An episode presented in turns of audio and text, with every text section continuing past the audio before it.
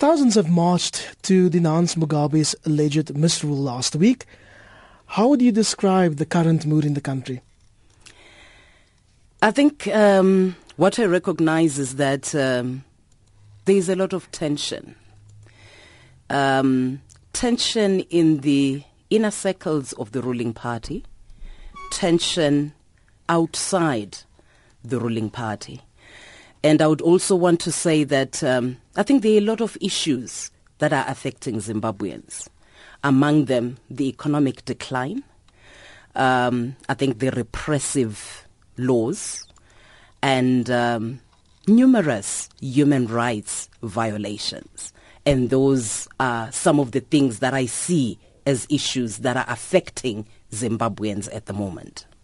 Jestina, but we've seen these issues before. We've seen Zimbabwean economic decline. We've seen people being extremely unhappy about President Mugabe, but nothing has happened. I'm not sure we can say nothing has happened. Um, and even if uh, the rule continues, it doesn't mean that Zimbabweans do not have complaints um, maybe the way that they would want to see things happening in the country is not specifically happening. But that does not remove the issue that there are issues, serious issues that Zimbabweans are facing in the country. So President Mugabe will today lead the Independence Day celebrations. He's planning quite a party, looks like it. Amidst prevailing hardships in the country, what does independence mean to Zimbabweans like you? Independence for me means the sacrifice that a lot of men and women um, went through. Um, and I'm also basically thinking about some young people who had to leave school to go and fight for independent Zimbabwe.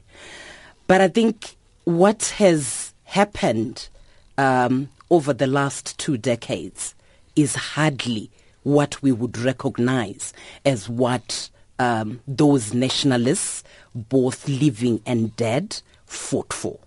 Yes, there are gains that were um, seen as a result of independence, but those gains, for me, I think, are actually um, have actually been taken over by the long list of disgruntlement that Zimbabweans have gone through over the years. I think you are aware that in South Africa there are millions of Zimbabweans yes. that are in this country. It's not by choice that they are in South Africa. It's because of a lot of issues that are being faced in the country. Justine, of course, there is another election coming up. Do you see a bigger effort by Morgan Tsvangirai to come to power?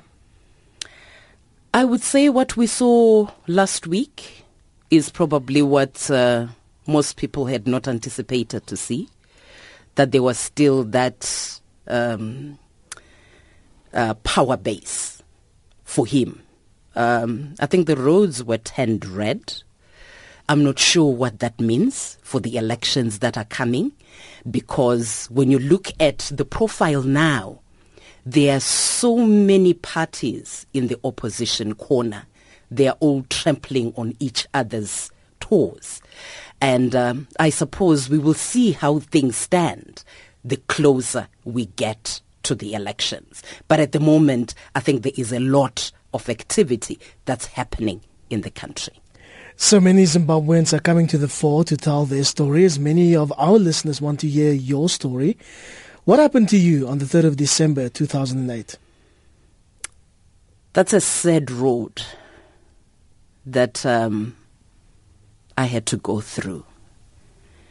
I think for the work that I do, documenting human rights violations, the majority of which are perpetrated by the ruling party ZANU-PF and also by the state.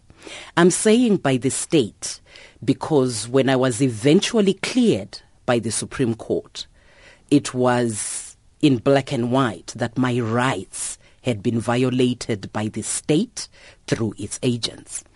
At the crack of dawn on the 3rd of December, I was bundled into a vehicle to an unknown destination, still in my night clothes. My son, who was 17 at the time, didn't know where they had taken me. They claimed they were police officers. They flashed um, an identity card, which I hardly saw because I had not put on my glasses by that time. And for a good 35 to 40 minutes, I was in this vehicle, sleeping with my head on the lap of a man that I did not know.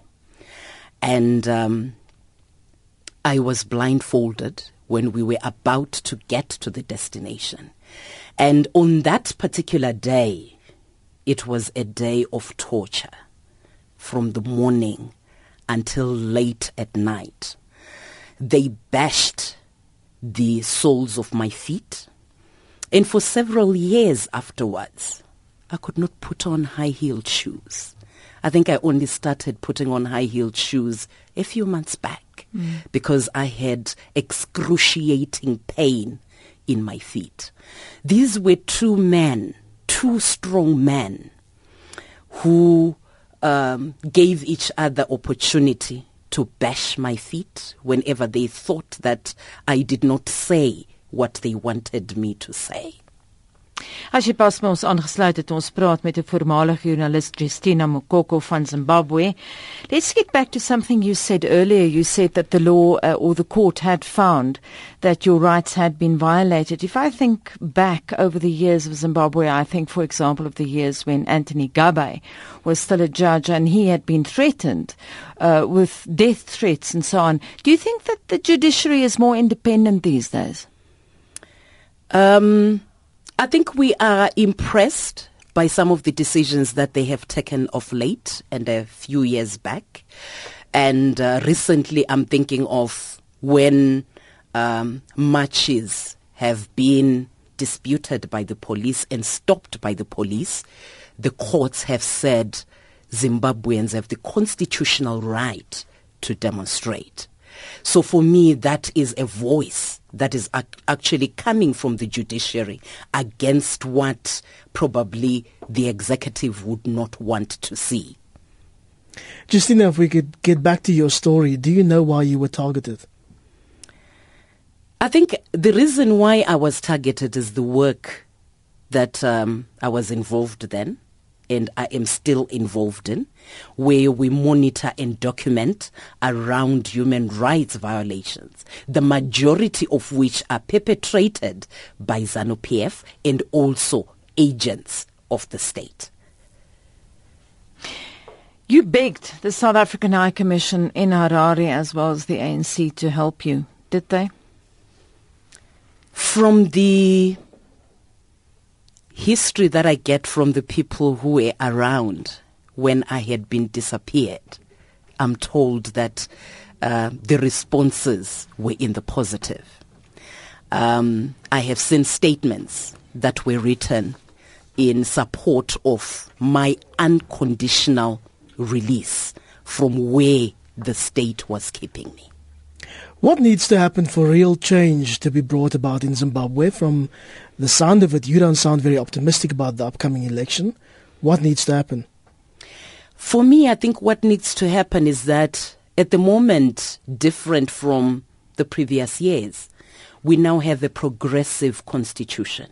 But I think what needs to happen is that we need to develop or foster a culture of constitutionalism where the constitution will actually be respected. Because at the time that I was abducted, tortured, and not protected by the law, there was a constitution that protected all those rights, but still it was violated. So I think for us to get on the right road, we really need to start with the supreme law and ensure that it does not just remain a piece of paper, but it becomes a document where we can, which can be enforced. Jestina, just to finish your story, what happened to the perpetrators? Nothing has happened to the perpetrators. The perpetrators have been protected by the state.